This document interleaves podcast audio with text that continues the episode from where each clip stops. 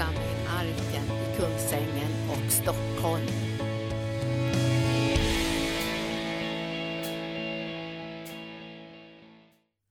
Halleluja, det är äntligen söndag som ni vet. Det är den där dagen då man inte behöver undra över vad man ska göra. För det är liksom redan bestämt. Man har fått en kallelse från Herren att komma inom hörhåll tillsammans med de övriga troende för Guds ordet för att kunna rustas så att vi kan bli en enhet och en helhet som gör Herrens vilja i den här världen. Det är fantastiskt uppdrag. Eh, eh, man måste ha tro på att Gud kan göra under med en. För att man, annars så sitter man och tror att man är ett hinder eller en svårighet för Herren. Eller så sitter man och tror att de andra är en svårighet för Herren. Så det kommer, här kommer man inte kunna bli någon enhet med, med tanke på hur de är då. Men eh, du, eh, du ska, om du nu inte tänker på vare sig dig själv eller liksom på de andra, utan tänker på Herren så kommer du märka att allting blir möjligt. Allt är nämligen möjligt för den som tror på honom och det han har gjort och den seger som han har vunnit för oss. Så vi behöver liksom fokusera på rätt saker. Det är lika så det här med liksom om man och har jag några tillgångar eller har jag inga. Ja, eh, du ska tänka, vem, vem tillhör jag? Vem är, vem är min far? Vad har, vad har han för möjligheter? Och när jag börjar tänka i de där banorna då blir det en helt annan fråga. Eh, och jag skulle vilja säga det som vårt problem eller så många gånger liksom just gör att livet blir svårt och tungt och onödigt trassligt bara därför att vi tänker på fel ting. Om vi liksom kunde lägga undan det där som vi håller på som trasslar till livet och så börja tänka på honom som trasslar ut livet så tror jag att liksom vi ska kunna bli glatt överraskade hur saker och ting kan lösa sig. Ska, det, han är på vår sida. Alltså det, jag, jag kan till och med säga han är på vilk, vems sida som helst. Alltså det vill säga, du kan inte sitta och räkna ut det, han är på alla andra sidor men inte på min. Han, han är på alla sidor och därför att han förmår att lösa alla situationer. Så det är frågan om du vill att han ska beröra ditt liv och beröra ditt liv mer än vad han har gjort hittills så behöver du fatta liksom sådana beslut. Och så säger du det till honom och så ger du honom uppmärksamhet för att se var vägarna går, hur lösningarna kommer och utvägarna och öppnar sig för dig som du trodde var helt stängda innan. Det är fantastiskt det här med, med, med att ha en sån här herre som vi har. Det är fantastiskt med den seger som Jesus har vunnit. Och jag, jag eh, eh hittade ett bibelställe här som, som jag, jag tänkte jag måste tala om det. Jag tror aldrig jag talat om det. Eh, och, men, men det är i alla fall Filipperbrevet är det, och eh, kapitel, kapitel 1. Och det är från den 14, ska vi, se, vi tar, vi tar med, med glasögon, 12 versen blev det då. Eh, versen. Och den, den, den, har en liten rubrik där som heter Fånge för Kristi skull. Och jag, jag har sett att det, liksom, det här är liksom en, en, en, en mäktig sak som står här. Här står det någonting som, eh, som överraskar oss eller som, som blir som en glädjekick liksom nästan in i livet för att det blir annorlunda när man har att göra med Herren och inte bara har att göra med sig själv och, och liksom omgivningen och omständigheten och sånt att vara liksom upptagen med Herren. Det här är liksom också ett oerhört irritationsmoment för mörkret, att du är upptagen med Herren. Alltså det, det, mörkret stör sig på det så till en milda grad så att allt möjligt som det mörkret har planerat och tänkt ska bli effekten av deras gärningar blir de inte därför att du sysslar med någonting annat än vad mörkret har tänkt. Det tänker att omständigheterna ska kunna snärja dig. Det tänker att, liksom, att det ska kunna bli så att du fastnar i saker och ting och, och att du liksom eh, blir, går den dystra vägen, att du går den självanklagande vägen, att du går den liksom anklagande vägen av hela världen, det är alla andras fel. Och så här. Eh, mörkret räknar med det, det går ju nästan alla på. Varför skulle inte du gå på det? Ja, därför att du blir upptagen av Herren och när du börjar bli upptagen av Herren då får, då får, då får inte mörkret något riktigt tag på dig. Du är, du är irriterande, liksom flyktig. Och nu eh, ska vi ta och bedja och så ska vi be Herren att han öppnar våra ögon så att vi ser lite grann hur saker och ting egentligen ligger till. Så att inte vi lever eh, liksom ett liv som är alldeles under vår värdighet. Kom helige Ande med din verksamhet och hela ditt, din makt och gör orden som vi ska studera nu den här morgonen levande för oss. Att det väcker en sån tro på dina utvägar och lösningar och din makt och dina möjligheter att vi känner oss fria, att vi känner oss glada, att vi känner oss styrkta, att vi, att vi känner att vi har allt det som vi behöver och vi kan göra allt det som du kallar oss till. Ingenting är heller omöjligt för oss när vi har en Gud som du. Som för, för vem skull så att säga, vi tjänar dig Herre därför att du, du har gjort allting möjligt. Du har öppnat vägen för oss. Du har du har, du har om inte gjort djävulens alla planer och du har välsignat oss med allt det himmelska världens andliga välsignelser. Vi är de mest välsignade som finns och vi vill bara tacka och prisa dig för det. Så öppna våra ögon nu så att vi ser det, så att vi får igång det som är tacksägelsen i livet och inte kommer stå kvar där och hacka i någon slags återvändsgränd och stå i ett hörn och tänka att det finns ingen utväg. Det finns utväg och utvägen är redan beredd av Herren och den är given till dig och mig. Så Herre, öppna våra ögon så att vi ser. Öppna våra ögon så att vi ser det som du har berättat för oss. Halleluja. Amen. Ja, när man ber en sån här bön, öppna våra ögon så att vi ser, så känner man på något sätt att, att man säger någonting som någon har sagt förut. Alltså, man säger inte liksom Åh, vilken, vilken fantastiskt unik bön, eh, öppna våra ögon så att vi ser. Nej, det, har ju, det har ju varit på tal förut. Ja.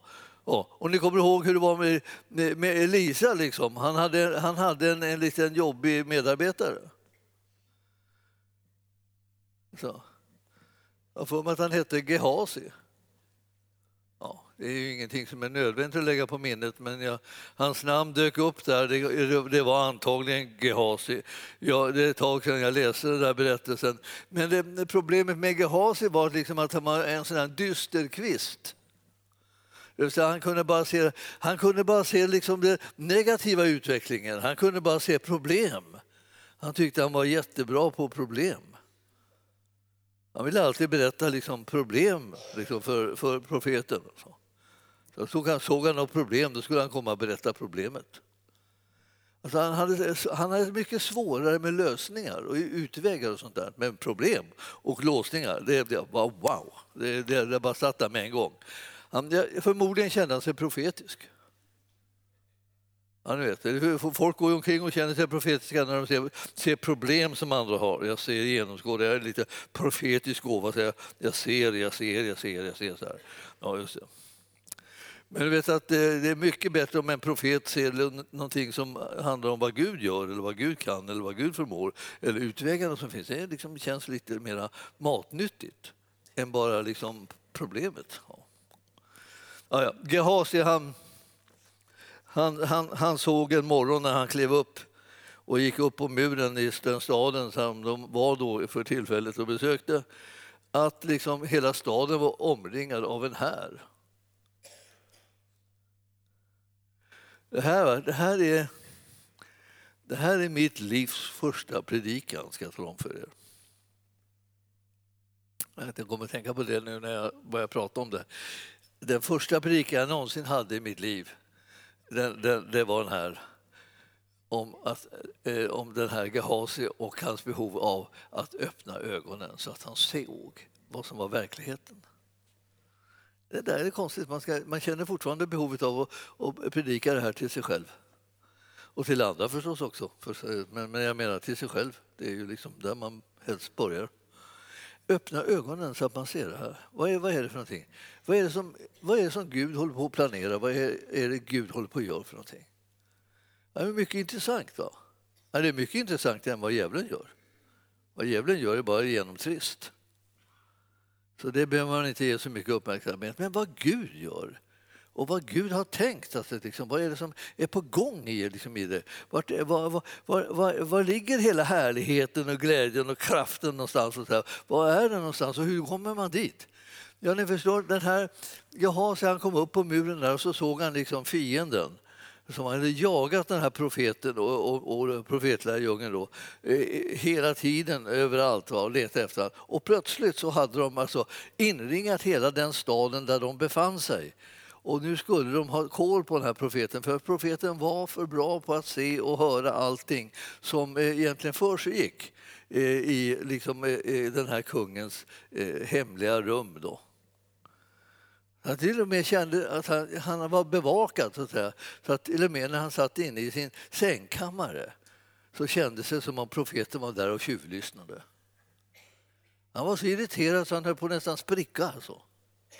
Men nu hade han kommit, fått klart för sig att här hade vi, nu hade vi profeten och profetlärjungen just i den här staden. Och då smög de upp där på natten och så la de hela armén runt omkring staden. Då. Ja, var inte mycket till stad, kanske var lite byartat, men ändå. Det fanns en, det fanns en stadsmur. Så där, där stod nu Gehazi och tittade ut över den här våldsamma armén som han tyckte var, var han blev helt förskräckt, han blev liksom alldeles ifrån sig. Liksom. Han rusade till profeten och skulle meddela detta onda budskap. Katastrofläge. Alltså, nu, eh, går, nu går vi under, nu är det slut, nu kommer vi aldrig undan här. Nu är de här, nu tar de oss. Och vi, vi har ingenting att sätta emot och, och så här. Och så där höll han på. Då. Han gick till profeten, liksom, han, bara liksom, han, han hade nästan lagt sig ner och, dött frivilligt. Liksom, så här. Han var, I den andan kom han där. Men när, när, när profeten lyssnade på honom så eh, sa jag vi, vi går upp och tittar. Och så. så gick de upp tillsammans på muren och så, så tittade de ut över, över hären som belägrat runt omkring. Så stod de där en stund och tittade. Och medan den här eh, Gehazi då, bara stånkar liksom bredvid profeten och liksom knappt kunde andas och skulle liksom ge upp allting. Alltså. Det, är lika bra, vi är lika bra, vi kan öppna stadsportarna. Vi bara välkomnar dem in, slå ihjäl oss bara, vi har ingenting att sätta emot. Alltså det, var så, det var så dålig stämning. Va? Så, så, så, så, så till slut så sa eh, profeten till Herren, eh, öppna hans ögon så att han ser. Ni kanske inte har läst den här på länge, den här berättelsen, men ni vet att eh, jag tycker att den gör ett intryck. Jag har inte läst den på ett tag, men så fort man börjar prata om den så tänker jag vilken jättebra berättelse det här är. Vilken aktuell berättelse det är. Herre, öppna våra ögon så att vi ser vad Gud håller på med. Ja, det där var ju någonting som som, som har gått igenom alla tider. Alla, alla ledare har fått då och då be den här bönen, både för sig själv och sin omgivning. Öppna ögonen så att vi ser vad det är som egentligen sker. Så att vi inte står där och liksom ger upp liksom, eh, fastän segern är vår. Är segern vår? Ja, det är klart den är. Det kan aldrig bli någonting annat än vår med tanke på vem vi umgås med.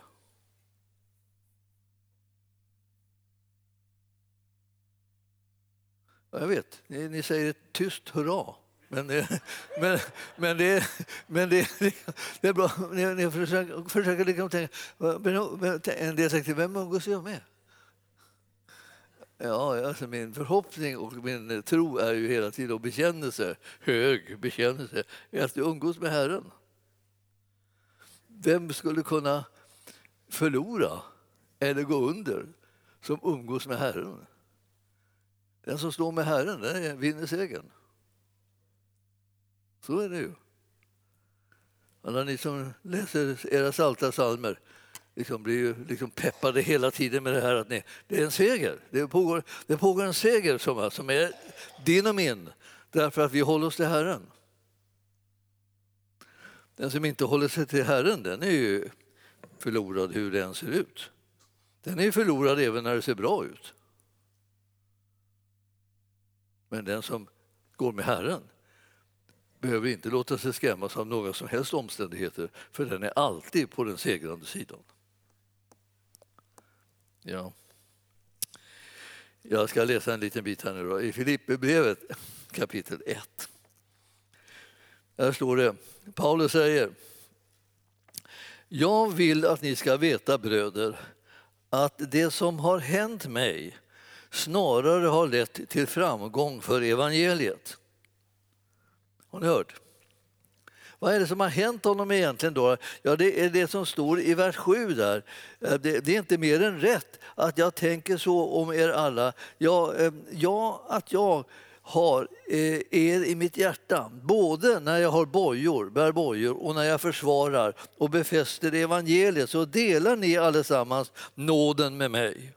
Han säger alltså att det här, även om hur mina livs omständigheter än ser ut så kommer ni inte få dela eländet med mig, ni kommer alltid få dela nåden med mig. Därför att vi håller oss till Herren. Så det. Alltså man kan säga, det, vad är det för någonting? Det finns omständigheter. Att sitta i bojor det är ju omständigheter som är rätt eh, olycksbådande. Eh, det, var det ska sluta kan man säga, det, det är svårt att förstå om man inte tänker på rätt sak. Så om man tänker på Herren så vet man hur det slutar, men om man tänker på omständigheterna så eh, vet man inte hur det slutar, men man tror att man vet det. Alltså, man tänker på omständigheterna och man är säker på att detta kommer nu gå åt skogen. Det här var början. Nu har de slängt ner mig i en fängelsecell och nu har de satt mig i bojor och här sitter jag och snart är det hela över. Det blev ingenting. Alltså allt i mitt arbete, allt blev förgäves. Det har jag ingen framtid. Jag har inget hopp, jag har ingenting. Och det här, eh, när Paulus säger här, så här jag, jag, jag, jag sitter ju liksom fängslad. Ja, eh, det står i vers eh, 13 så här, ja, ja, och så har hela pretoriet och alla andra kommit att förstå att det är för Kristi skull som jag sitter fängslad. Det har liksom hänt någonting här. Va? En, en, alltså, hans attityd i förhållande till det här med att sitta fängslad har varit så egendomlig så att de har fattat allihopa, alla de som jobbade liksom i, i det romerska liksom maktcentrat där i Filippi, de hade fattat att det var för Kristi skull som han satt fängslad. Alltså. Och varför det? Ja, hur kunde de fatta det? Ja, därför att han betedde sig inte som någon annan vanlig fånge. Alltså. Han var inte slut, han var inte punkterad, han var inte uppgiven, han var inte liksom alltså hopplös i hela sin framställning eller hasade fram eller ynkade sig eller begärde liksom att de skulle förbarma sig över honom. Så här. Utan han var övertygad om att han tjänade Kristus vare sig han satt i bojor eller han var utan bojor. Han visste, var säker på det här som ni har hört sägas, alltså, alltså Guds ord har inte bojor. Det kommer inte bli någon hind ingen kommer att hindra att gudsordet går ut, att evangelium går ut. Bara därför att det ser ut som om jag har bojor. Ja, det ser ut så. Det kan vi säga att så verkar det vara och så är det med mitt uppdrag och, och min tjänst för Gud. Den är inte hindrad för fem öre. Och vad hade hänt då? Ja, allihopa som var i Pretoriet, alla som arbetade för romarna där, de, de var övertygade om att han satt där för Kristi skull. Alltså. Och det var mäktigt hur han kunde reagera som han gjorde när han hade sådana dåliga yttre omständigheter. Att sitta fängslad alltså, i, i, under romarriket det var ju detsamma som att man var redan dömd. Alltså, det var ju liksom riktigt illa. Alltså. Men den här karln, han liksom fattade inte ens det. Han pratade nästan inte om det heller, utan han pratade om Kristus. Så att när de allihopa, liksom, hade han suttit där ett tag, så visste alla liksom att han satt där för att han tjänade Jesus Kristus och predikade honom och den frälsning som fanns i honom.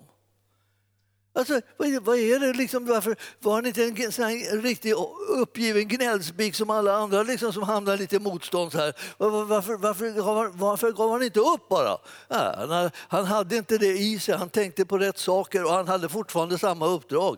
Det är ingen som sa att han skulle, hans uppdrag skulle innebära att han inte skulle få något problem på vägen. Det är klart att man kan få problem på vägen. Ja, ja, ja, jag, jag är ett vittne om det. Jag, jag, jag, jag, har haft många problem på vägen, men fortfarande är det så att det ändrar inte uppdraget ett enda dugg. Uppdraget är precis detsamma och slutet, liksom, vad ska jag säga, eh, resultatet av, av, av tjänsten och bärande, när vi bär ut evangelium, det är precis detsamma. Guds ord går ut och det kommer att eh, leda till att människor blir fullkomligt övertygade om att det är Jesus Kristus som en del människor lägger ner sitt liv för och överlåter sig till och betalar vilket pris som helst för att det ska eh, vinna liksom, fäste bland de människor som man kommer inom hörhåll med. Jesus Kristus är det som vi predikar. Det är honom som vi tror på, ingenting annat. Vi är övertygade om att den seger som han har vunnit, den gäller för alla människor. Och därför kan alla bli försonade med Gud och därför kan alla bli frälsta och alla kan bli hjälpta. Och vi är inte liksom, liksom tveksamma om det eh, oavsett omständigheterna. Eh, Paulus säger så ja, ja, ni, ni, känner ju till hur det är, liksom, läget är för mig. Alltså. Ja, det gjorde de ju. Det var liksom ett bottenläge om vi säger så. Deras troshjälte, om vi säger, han satt i fängelse i bojor. Tänkte, vad ska vi, vad ska vi tänka då? Ja, eh, och, och då säger han så här, då ska ni veta det bara det att det som har hänt med mig Alltså, att jag sitter här i bojor, säger han. Ja, det som har hänt med mig, det, alltså, det, det leder snarare till att det, det blir framgång för evangeliet. Det var en optimistisk attityd kan vi säga. Och, så är det. och kan du tänka dig att det som har hänt med dig skulle kunna vara något som leder till framgång för evangeliet?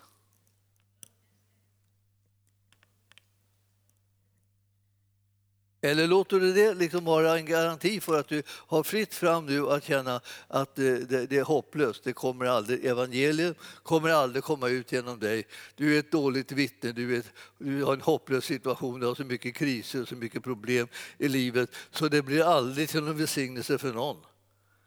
Alltså Paulus håller på att säga sådär, fattar ni liksom att sluta, ni måste sluta upp och titta på de här yttre omständigheterna. Det är inte det som bestämmer om evangelium kommer att ha framgång genom dig eller inte. Utan det är vad du fokuserar på och vad du tänker på och vad du tar emot i ditt hjärta som kommer att bestämma om Gud får tillgång till dig så att det kan bli en seger för evangelium genom ditt liv.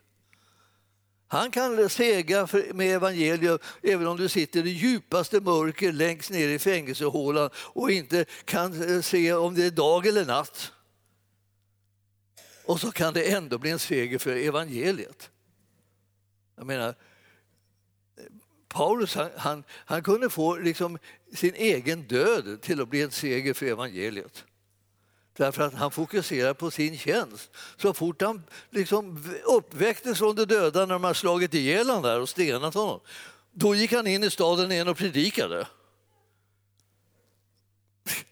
Alltså, jag, jag har tänkt på vilken speciell åhörarstämning det måste vara när man går in och predikar när de ja, först slår ihjäl en. Då, då och sen så går de in i stan. Och sen efter en liten stund så hör de ens röst igen på gatorna och på torgen när man håller på och ropar ut evangelium och de kommer ut där och får se den som de har dödat stå där och predika evangelium. Liksom. Alltså, man, man, jag tror att man till och med stärkte möjligheten för evangelium att gå ut och gå in i människornas hjärtan. För vad, vad är det här för ett budskap? Man kan inte ens slå ihjäl honom och liksom lyckas med det. Utan han står där ändå och predikar evangelium. Efter en liten stund igen då. Borstat av sig då.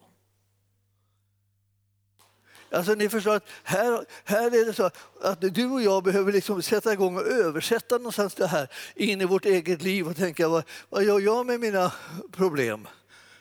Eh, mina svårigheter, mitt krångel, mitt motstånd, mitt, liksom, mina misslyckanden och så där. Låter jag dem liksom sätta prägel på allting som jag tänker och allt jag är och hur jag ser på mitt liv och var det ska ta vägen och så. Om ni tittar på mig till exempel. Ja. Så ser ni en ovanligt framgångsrik man. Ja, ja, ja, ja, kanske, jag, jag, ska inte säga vad ni ser då. Utan, men, men ändå, jag är liksom inte helt okänd. Alltså mitt liv är liksom inte, det är inte helt tydligt att mitt liv är liksom helt utan problem. Utan det är snarare tydligt kanske att, att jag har en massa problem i mitt liv också. Jag har en massa svårigheter när jag liksom ska göra det jag ska göra. Och eh, eh, frågan är ju liksom då eh, hur pass mycket jag tänker liksom ge, ge det uppmärksamhet. Hur mycket jag tänker ägna mig åt det eller hur lite.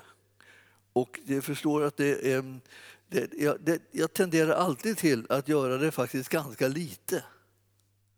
Men jag är inte helt befriad från det, för då och då så känner man ju liksom att att det var ju katten, eller, ja, eller vad det kan vara säga, att det ska vara på det här sättet eller att det, ska, eh, att det, det och det har skett. Eller så där. Men här står det liksom att min fångenskap eh, har gjort att de flesta bröderna att de flesta av bröderna eh, är övertygade i Herren eh, så att de vågar predika Guds ord ännu mer oförskräckt. Och jag tog den där som en utmaning. Att nu när de ser hur det är och nu när ni ser hur det är när man utstår olika typer av, av liksom kriser eller, eller eh, svårigheter. Eller så där. Och det har vi gjort många gånger här i arken. Så, så när ni nu ser hur det är, då frågar ni er, vad är det som kommer att segra och vad är det som kommer att bryta igenom? Eller så? Vad, vad kommer det här få för konsekvenser? Och min bön är att det ska få den konsekvensen att ni kommer bli allt ivrigare allesammans med mig att föra ut evangelium. Alltså det känns ungefär som att Alltså det, här var, liksom, det här var mörkrets felgrepp, att attackera församlingen Arken. Alltså, det var ett felgrepp. Och jag eh, kände att vad vi ska göra av det är att vi ska förvalta det så att vi får ut evangelium med dunder och brak. Och vi ska få ut det liksom i, i hela, hela, hela bygden här. Jag, jag, tänkt, jag har tänkt mycket på det på sista tiden, att, att, det här, att vi, vi, har varit ganska svaga i det här eftersom vi har haft så mycket verksamhet utåt, så att säga, ut över hela världen. Men här lokalt så har vi varit rätt så svaga. Men vi ska ändra på det. För att eh, nu ska vi liksom göra så att vi ska, vi, vi ska vinna och rycka liksom människor eh, ur, ur, ur vilddjurens käftar, så att säga. Och låta dem komma in i det som är Guds rikes härlighet och få del av den nåd som vi har fått. Så vi har liksom, vårt liv är, är liksom inte en produkt av vår duktighet och så. Vårt liv är en produkt av att vi har blivit benådade och är det fortfarande. Eh, nåd utöver nåd har vi fått. Och därför så kommer vi att kunna föra ut evangelium och göra det med bestämdhet och klarhet. Och vi kommer att vara liksom en, en, en ännu större besvärande faktor eh, för mörkret eh, eftersom det ger sig till att eh, liksom försöka begränsa och skada och förvirra eh, vår församling. Vi ska samla församlingen. Och jag har ett ord liksom om, en, om, en, om en sak som hand, handlar om det där, för samla församlingen. Jag, jag, jag, kände att det var, det var av stor vikt liksom, att vi kunde, kunde förstå att svårigheter eller utmaningar eller sådana där saker, attacker, de, kommer, de, de ska man svara med med en samlad attack tillsammans med Herren. Och så ska man tampa eh, synden, döden och djävulen under sina fötter och så ska man bana väg för det som är Guds rike så att det utbreder sig med ännu större makt och möjlighet än vad det har gjort tidigare. Så här tänkte jag så här, vi, vi är det att vi ska predika han var övertygad i Herren så, så, att de här vågar nu, de som var hans medarbetare, fastän han satt i fängelse och satt i bojor, så vågar de predika Guds ord ännu mer oförskräckt.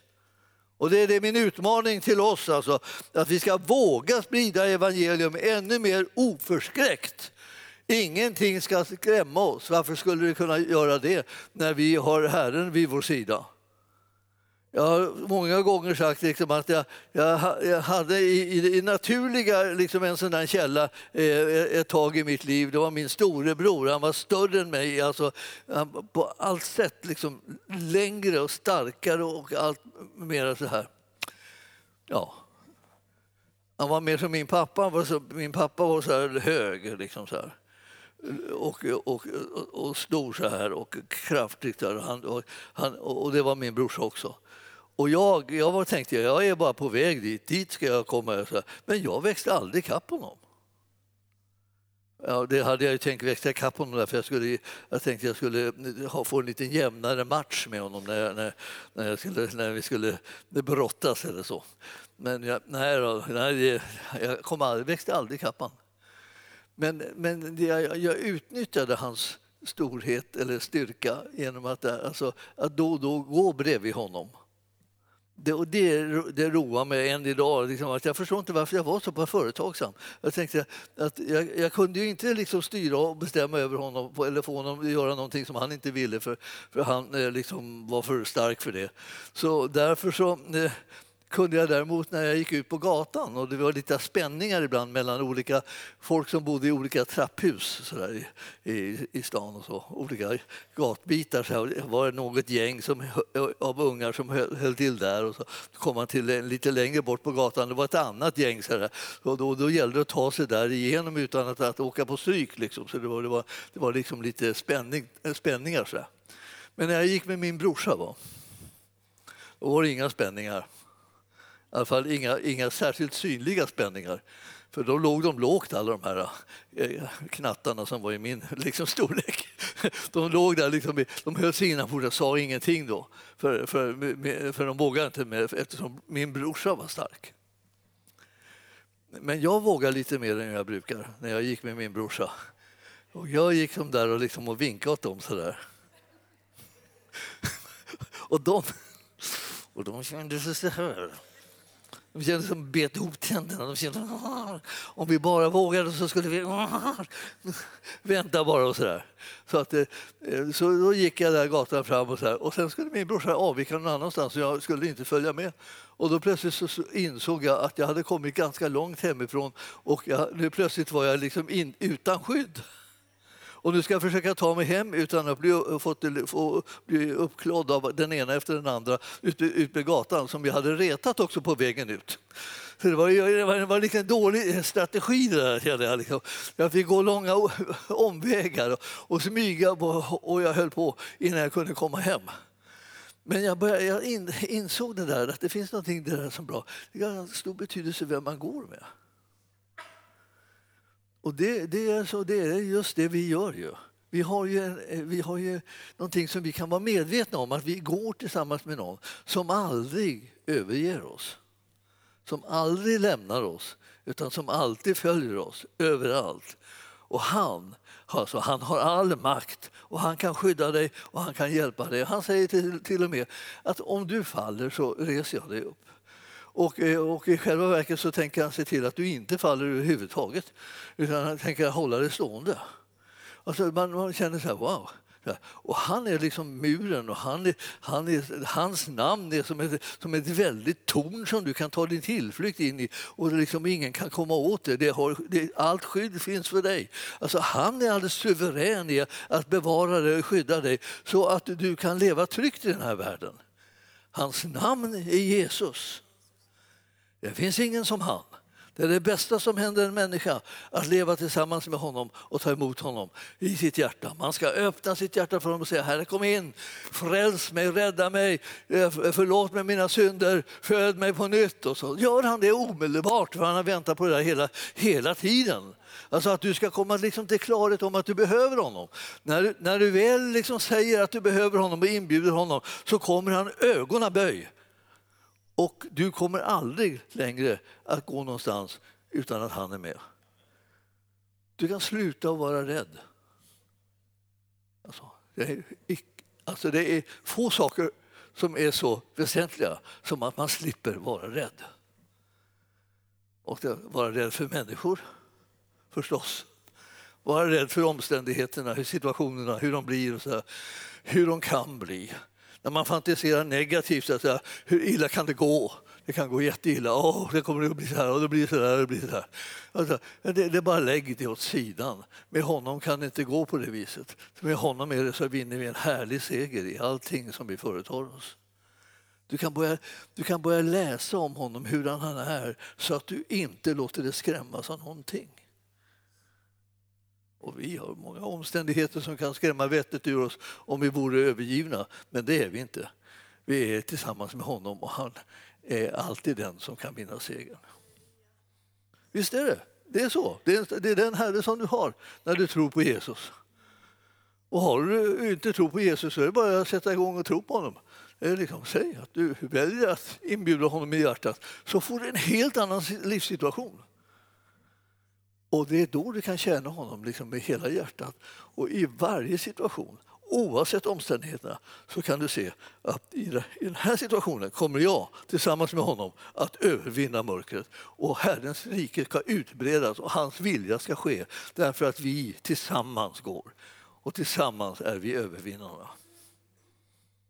Så det här, jag känner att det, när ni ser här på det här lilla bibelstället här i första kapitlet i Filipperbrevet så, så tänker man så här att ja, ja, det var ju eländigt här Paulus, han fängslad och i bojor och alltihopa. Men så säger han att han, han är övertygad om att det här ska leda till att alla som känner honom kommer bli frimodiga i att föra ut evangelium. Så jag önskar att alla ni som känner mig och eh, vet lite grann om vad jag kämpar med och så, att ni ska bli frimodiga i att föra ut evangelium. Vårt uppdrag är inte liksom att ynka oss eller klaga över olika saker. Vårt uppdrag är att föra ut evangelium. Det ändrar sig inte att vi har det uppdraget, även om omständigheterna skulle kunna bara önskas att de skulle vara annorlunda. Så är det inte så, utan vi, vi, vi för ut evangelium.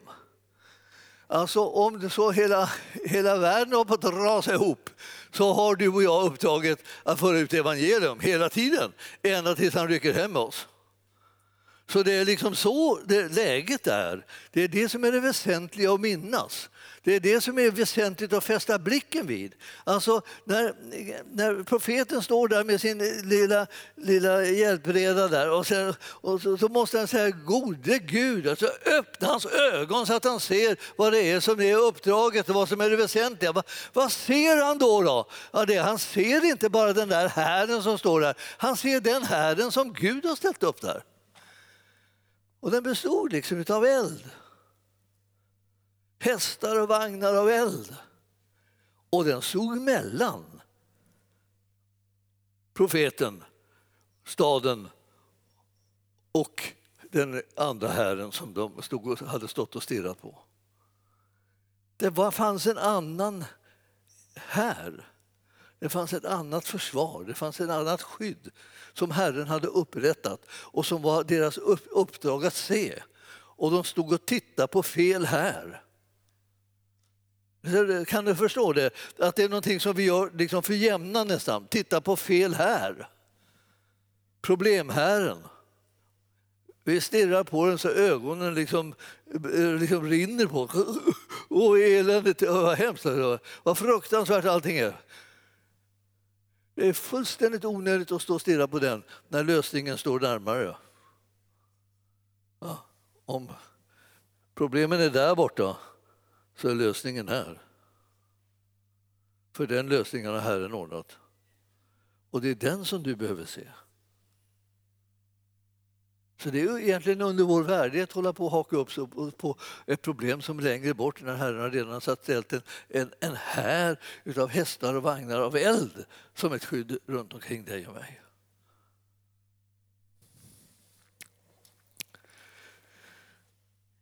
Ja, det här är ju en intressant bibelställe liksom kan man säga. Han säger så här i 15 vers att det finns en del som predikar eh, visserligen Kristus för eh, att de är avundsjuka, att de söker strid. Men eh, en del gör det i en god avsikt, av kärlek eftersom de vet att jag är satt till att försvara evangelium. De andra söker strid och predikar Kristus av orena motiv och tror att de kan göra min fångenskap tyngre än sen. Kristus blir ändå på ett eller annat sätt predikad, för syns skull eller uppriktigt. Det är, det, och det är jag glad över. Jag vill fortsätta att glädja mig, ty jag vet att detta kommer att leda till min frälsning därför att ni ber för mig och Jesu Kristi ande hjälper mig. Sen vilken, vilken härlig, härlig attityd. Jag skulle säga alltså jag vill, skulle vilja bli, jag ville bli lik Jesus, men jag, alltså jag skulle vilja, om vi tar det första steget, då, bli, bli lite lik Paulus också. Alltså, jag skulle vilja säga, som han säger så här, en sen, säger han. Jag tycker det är så befriande. Så här. Han har hittat, lokaliserat problemen, jättemycket problem och mycket elände och massa falska e-, grejer och sådär. En sen. Vem har kallat mig till liksom att liksom uppta mig med det där. Jag är kallad till att predika Kristus. Jag är kallad till att följa honom och representera honom. Jag är kallad till att tro att det han säger är sant och göra de gärningar som han har kallat mig och dig till att göra. Jag är kallad till att inspirera er så att ni vågar göra det också. Så att vi tillsammans gör det som är, är, har någon betydelse och inte liksom fastnar i någonting som inte har någon betydelse. Som ändå kommer att gå under och bli platt ingenting. Problemen alltså. Svårigheterna, omständigheterna, alltså, de här, är platt ingenting. Det är ungefär som när man, när man, är, när man blir attackerad av sjukdom. Det är många som blir det. Man kan verkligen eh, liksom ägna sig åt det där på olika sätt. Det där. Alltså, en del tänker så här, nu, nu, nu är jag attackerad av sjukdom och då måste jag liksom verkligen ta hänsyn till sjukdomen och sjukdomens begränsningar i mitt liv. Och, och det blir så att eh, efterhand jag tar mer och mer hänsyn och det blir mer och mer så här, och det blir, det blir hänsyn, hänsyn. Och till slut så kan jag knappt röra på mig och knappt åstadkomma någonting, knappt andas, knappt, eh, knappt få någon liksom kan du, vill du göra det? Kan du tänka dig att komma hit? Eller kan du göra det? Nej, jag kan ingenting. Jag kan ingenting. För att det är sjukdomen, sjukdomen där och sjukdomen kommer dit och sjukdomen gör det här och sjukdomen här. Och så håller på så här. Men sen andra som tar det så här, ja, ja det kan jag, säger de. Fast de liksom inte vet hur det ska gå till ens en gång. Alltså de vet inte hur de ska kunna klara sig, eh, göra det här som, de, som blir resultatet av att de säger ja, jag kommer, ja, jag hjälper till, ja, jag, jag sträcker mig ut, ja, jag, jag tar tag i det här. Men de egentligen egentligen så sjuka så de, ingen kan förstå hur de ska kunna klara upp det. Men när de säger sitt ja till det som eh, eh, Herren vill i deras liv så börjar det bli komma en smörjelse och en kraft över dem som gör att de börjar inta land eller behålla sin frihet inom olika områden. De, de, de slipper sluta göra sånt som är meningsfullt och rätt bara för att de har blivit attackerade av sjukdomar. Jag kan säga, så många sådana exempel har vi i församlingen på människor som liksom sätter sig på tvären mot sjukdomar och sjukdomars försök att dominera deras liv. Det är inte så att sjukdomarna inte finns. Det är inte så att de inte liksom plågar och, och begränsar på olika sätt. Men de bestämmer inte vad de här människorna ska göra med sitt liv och hur de ska handskas med och hur de ska prioritera, utan det bestämmer Herren. Han har redan kallat på dem, han har redan sagt till dem saker och ting och han är den som bistår dem med sin kraft.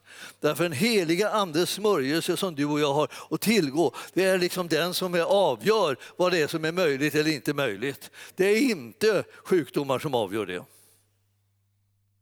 Och du tänker, att det här? nu blir någon sårad som har en sjukdom som den kan inte göra så mycket. Blir sårad.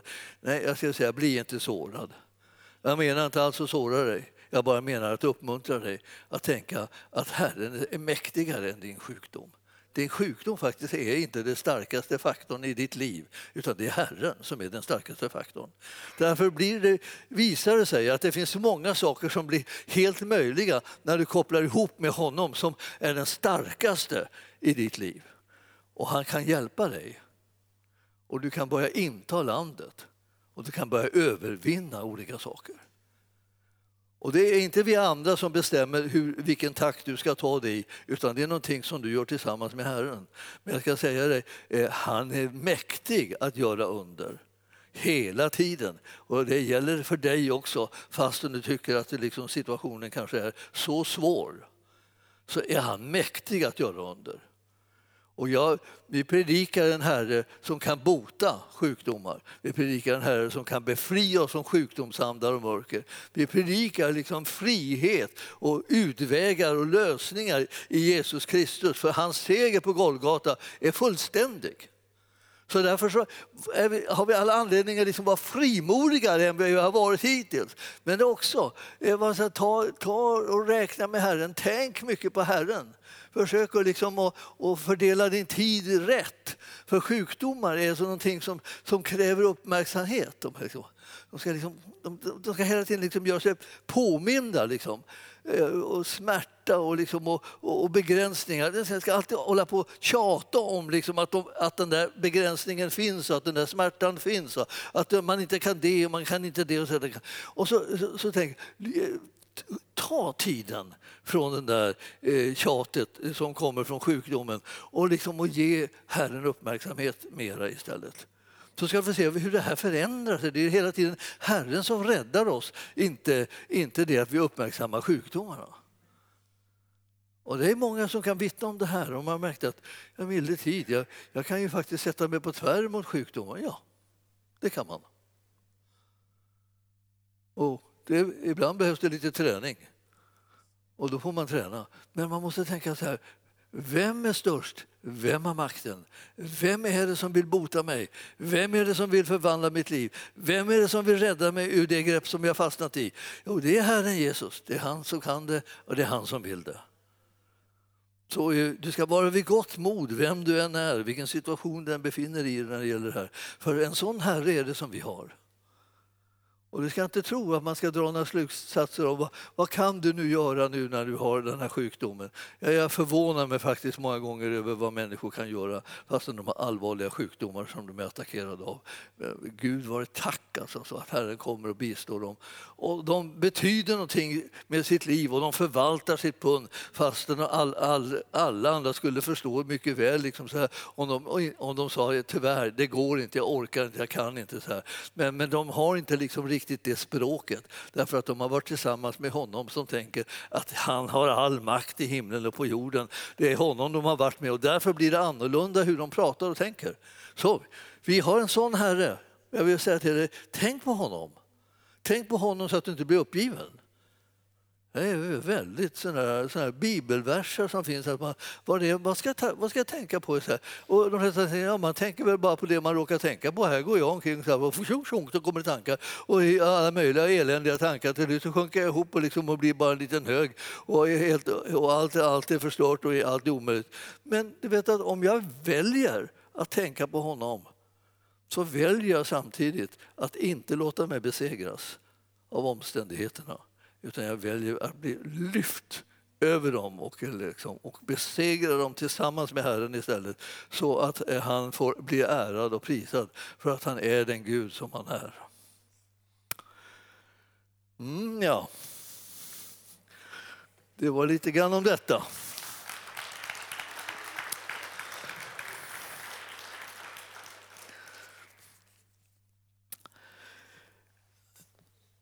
Jag önskar hela tiden att jag skulle kunna säga, säga så här. Jag vet att detta kommer att leda till min frälsning och därför att ni ber för mig och Jesu Kristi ande hjälper mig.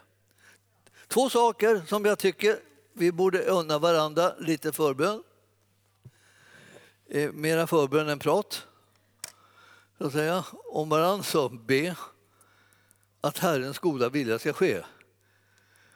För vi är allihopa här för att kunna eh, föra ut frälsningen. Och sen att eh, Kristi ande, Jesu Kristi ande ska hjälpa oss. Han är den stora hjälparen. Precis som Torbjörn sa, att jag är någonting som jag skriver under till fullo. Att bedja, bedja i anden är någonting alldeles enastående, fruktbärande och bra. Den stärker en fantastiskt. Hela, hela, hela eh, arken är, liksom, eh, jag ska säga, en, en frukt av bönesvar på, som jag har bett i tungor. Alltså. Alltså jag har bett i tungor i i flera år liksom, och i timmar varenda dag. Man kan tänka, så här, jag förstod inte hur, hur jag orkade, för ja, det gjorde jag bara därför att, därför att jag jag hade inget annat att göra. Alltså, allt, alla andra uppgifter eh, tog man ifrån mig. Då, så att man ville inte att jag skulle påverka mig med, med detta budskap om att det finns kraft och möjligheter till allting, liksom, lösningar och utvägar som Herren har berett. Så jag fick tid att bedja i tungor och jag bad i tungor och bad i tungor och bad i tungor och bad i tungor. Till slut börjar man se ting som, och uppfatta vad det är som, som ligger på Herrens hjärta. Det är väldigt intressant och väldigt härligt på något vis. Att liksom vara, vara med liksom och, och kika in liksom lite, lite grann i det där. Och då förstår man liksom att här, här är det, finns det en värld som inte känner till någon begränsning som Herren har och som han kallar på oss att vi ska gå in i. Det, det är Guds rike det. Alltså det, Guds rike, det är ju det här fantastiska riket som man, som man kan säga, ibland var det som att när man, när man hörde om Guds rike och, och vad det innebar så kunde man inte eh, eh, liksom, eh, se det någonstans. var är det någonstans? Det måste ha gömt sig på något vis. Va? Därför att Guds rike liksom innehöll saker som, som inte ingick i den vanliga liksom, Guds som vi har. Det vill säga församlingen som är nedslaget av Guds rike det där som du kanske tycker eh, ibland är bara jobbigt med församlingen. Men, alltså, men församlingen är den mest fantastiska gåva som Gud har gett oss. Och han har tänkt att det ska vara att vi ska vara sammansvetsade så att vi kan tillsammans tjäna Herren. För det är hans kropp som vi är och därför är det hans vilja som ska ske. Och allt för många liksom går in i församlingen och vill att deras vilja ska ske. Ja, det är inte lätt alltså då.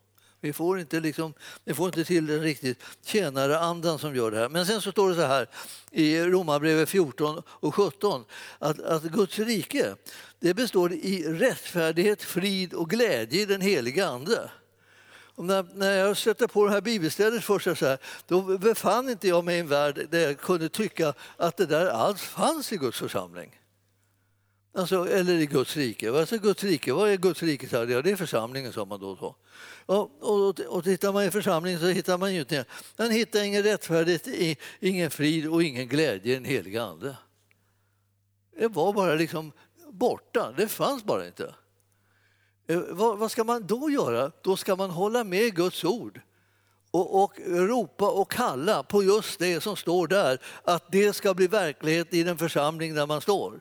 Man kan inte hålla på liksom och tänka att då byter jag församling och går någon annanstans. Ja, det, det, det, är lika svårt där, för du, nu har du gått dit och nu, nu, nu fortsätter problemen så att säga. Eh, och, av oandlighet eller brist på glädje eller brist på rättfärdighet eller brist på frid och så här. Det fortsätter om man inte beder att det här ska sätta igång och prägla ens eget liv. Och jag, vill säga att jag ska trösta er med att säga att jag, att jag ber om det för egen del. Så jag tänker inte bara att nu ska ni ändra er alltså, allihopa. Det är klart att jag vill att ni ska, att ni ska få del av hela fullheten av det här. Men jag, jag, jag, jag måste ju få del av den själv.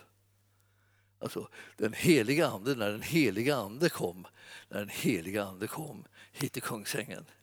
Det är lite förmätet att säga sådär. Men, men, men den helige ande kom som en väckelse hit, hit till Kungsängen. Alltså, eh, det var i början på 80-talet. Det var så, det var så otroligt oerhört och så underbart och fantastiskt. Alltså. Alltså från det liksom att vi, vi bara liksom försökte liksom hålla oss till ritualerna och, liksom, och, och kämpa på liksom så här och, och ha lite, lite olika typer av, av arbetsgrupper och, och, så där, och gemenskapsgrupper och sånt där i, i församlingen. Då plötsligt kom den heliga Ande så plötsligt kom livet med, med en rättfärdighetsupplevelse. Liksom, eh, att man, alltså man var godkänd och älskad av Gud emellertid. Alltså det var ju så härligt som man eh, sprack nästan. Jag tänkte att det var, har, det här, har jag gått hela livet och liksom inte vetat om det här? Ja, ja, ja, ibland så har jag nästan vetat om det. Nästan vetat om det. Jag har haft det på känn ibland. Så. Men så det där med att riktigt veta det, för det står ju där svart på vitt att det här är vad man bygger Guds rike med. Så är det rättfärdigheten bygger man Guds rike med. Utan rättfärdighetsmedvetande så blir det liksom inget sånt bygge. Och det är många sådana här byggesdelar som inte blir av därför att man eh, hoppar över de stenarna som ska in där. Men frid och glädje i den helige Ande. Alltså milde tid när det kommer in i församlingen, då blir det ju liksom ett himmelrike får liksom vara där och komma dit och leva tillsammans med syskonen. Och vad är det värt då? då? Är det värt någonting? Är det värt att du och jag ibland gör ändringar i våra egna liv? Att vi lägger våra, våra käpphästar åt sidan? Att vi släpper liksom alla våra bestämda meningar om allt möjligt sådär och krångel. Att vi kan tänka oss att Gud kan vilja någonting annat än det som vi har trott hela tiden. Ja, vad, är det man ska, vad är det man ska förankra sig i? Man, förutom den heliga anden när den kommer in så måste man förankra sig i bibelordet annars så, så glider man bort och kommer vilse så att en del liksom får inte med sig bibelordet och därför så blir det snurr av det. Och så var det som de andliga i kubik men liksom ändå förvirrade. Alltså därför att det är inte tänkt att de här två sakerna ska leva liksom separata från varandra. Att man har Guds ordet och, och anden liksom på två olika ställen liksom som inte aldrig berör varandra. Utan de här två ska samverka för att här, det bygge som vi håller på med av Guds församling ska kunna bli något stabilt och rejält och hållbart. Och det är det som Herren kallar oss till hela tiden. Jag ska eh, läsa en rad ur Nehemja här. För att jag tänkte på det. I Nehemja i fjärde kapitlet så står det där i tjugonde versen. Eh, var ni än hör basunen ljuda, dit ska ni samlas till oss. Vår Gud ska strida för oss, står det.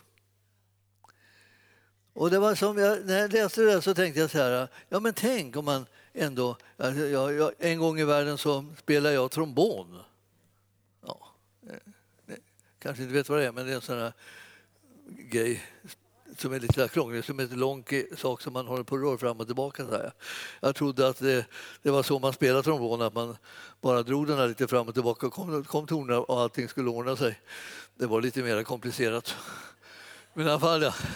ja ehm, eh, för att jag tänkte den där den eller den här, de här sofarhornen ibland skulle eh, behöva blåsas liksom så att vi fick en, en, en, en väckelse ett, eller ett uppvaknande över att vi är här för att tjäna Herren.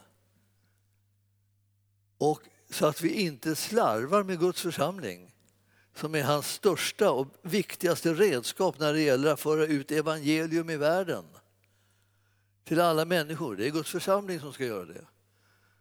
Det är liksom ingenting som du liksom kan bara sätta dig över eller kasta bort eller, eller kicka undan så här och tycka att äh, det spelar ingen roll, det är bara, det är bara ett hinder. En del, en del får för sig liksom att det Guds församling det kan man lägga bort och så har man en bönegrupp istället. Det kan man inte alls. Guds församling är någonting som Herren har liksom verkligen pekat ut hur den ska byggas upp. Precis som man pekade ut hur, hur tabernaklet skulle byggas och hur templet skulle byggas. Fick man ordning på det så var det detaljerade instruktioner om hur det skulle se ut. Och så är det också med Guds församling. Så det, det tar man inte lätt och man, man, man bagatelliserar inte Guds församling utan man förstår att det här är Guds stora idé om hur frälsningen ska fortsätta att verka ut över hela världen nu när Guds församling kommer och Jesus har församlingen så att säga, i sin hand han så att han kan göra det han vill i och genom församlingen. Det är vi det som ska stå till förfogande på det sättet så att han kan göra vad han vill.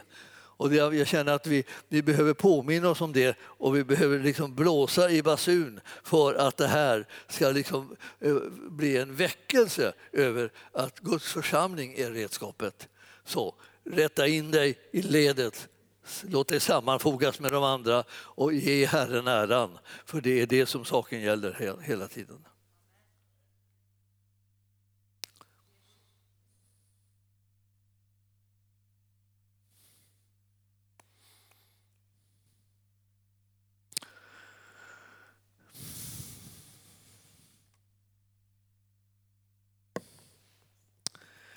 Jesus.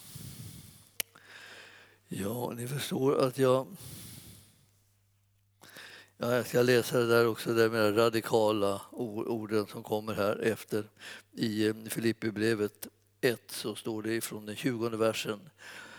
Det är också min längtan och mitt hopp att jag inte på något sätt ska stå där med skam utan att Kristus, nu som alltid, ska av mig frimodigt förhärligas i min kropp, vare sig jag lever eller dör. Ty för mig är livet Kristus och döden en vinst.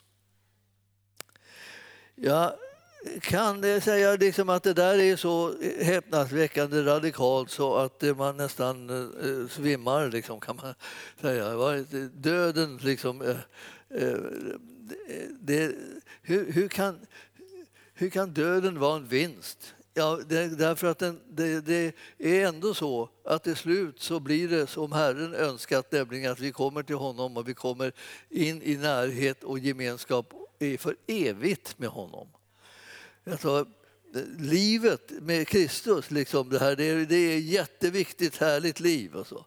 Men när döden kommer, då går vi över från att, att vara besudlade hela tiden av den här världens mörker och ondska och vi kommer helt och hållet ihop med honom för evighet. Och det är, liksom en, det är den mest liksom, suveräna vinst som Herren har, är att han kan bärga oss hela vägen. Och han vill att vi ska vara med så att vi får ännu flera med oss in, in i den eviga världen. Eh, det det är inte någonting som är, liksom, som är en liten, eh, liten tanke vid sidan om sådär, utan det är en central tanke. Hela verks, verksamheten liksom, i församlingen går ut på att världen ska bli frälst. Gud vill att världen ska bli frälst. Han, han, kallar oss till att vara de som vittnar om vem han är och vad han har gjort. Vi kallar att vara de som bär namnet Jesus så att det hörs och känns överallt där vi går fram.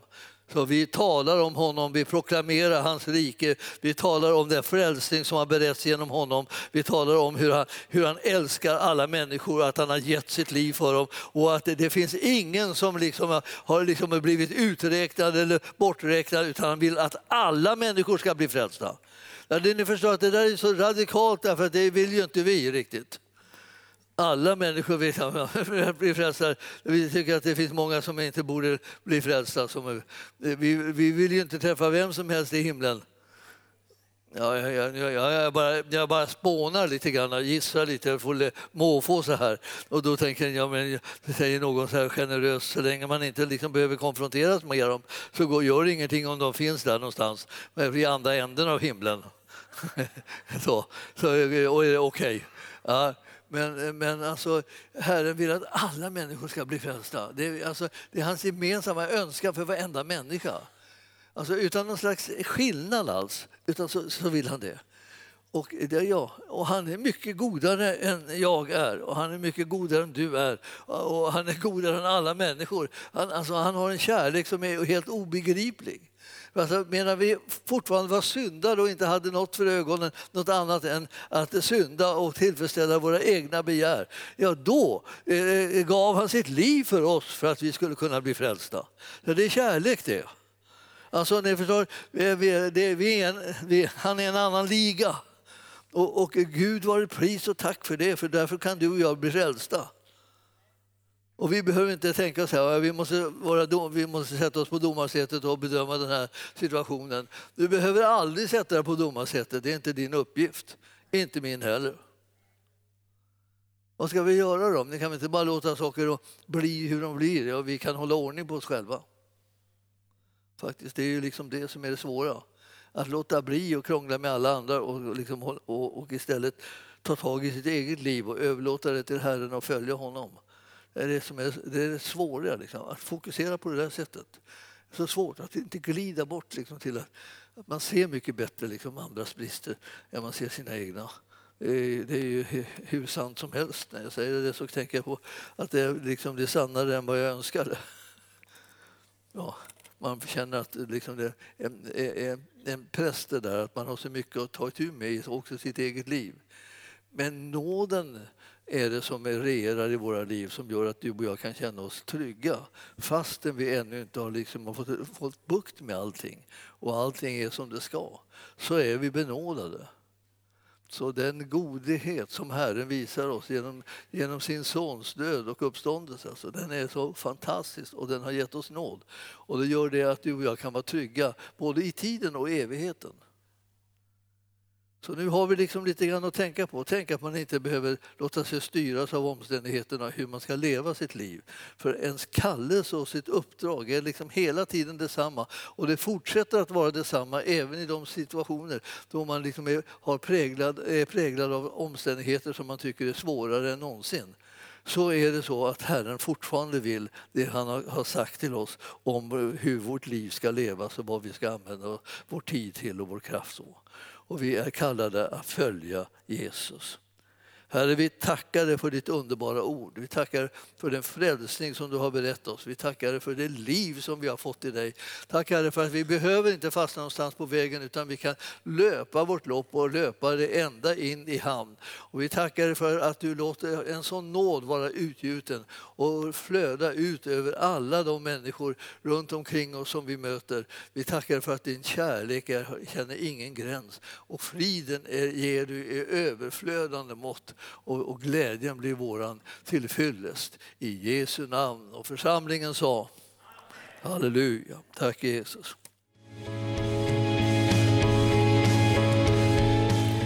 Tack för att du har lyssnat. Vill du få del av mer information om församlingen Arken, vår helande tjänst, bibelskola och övriga arbete, gå in på www.arken.org.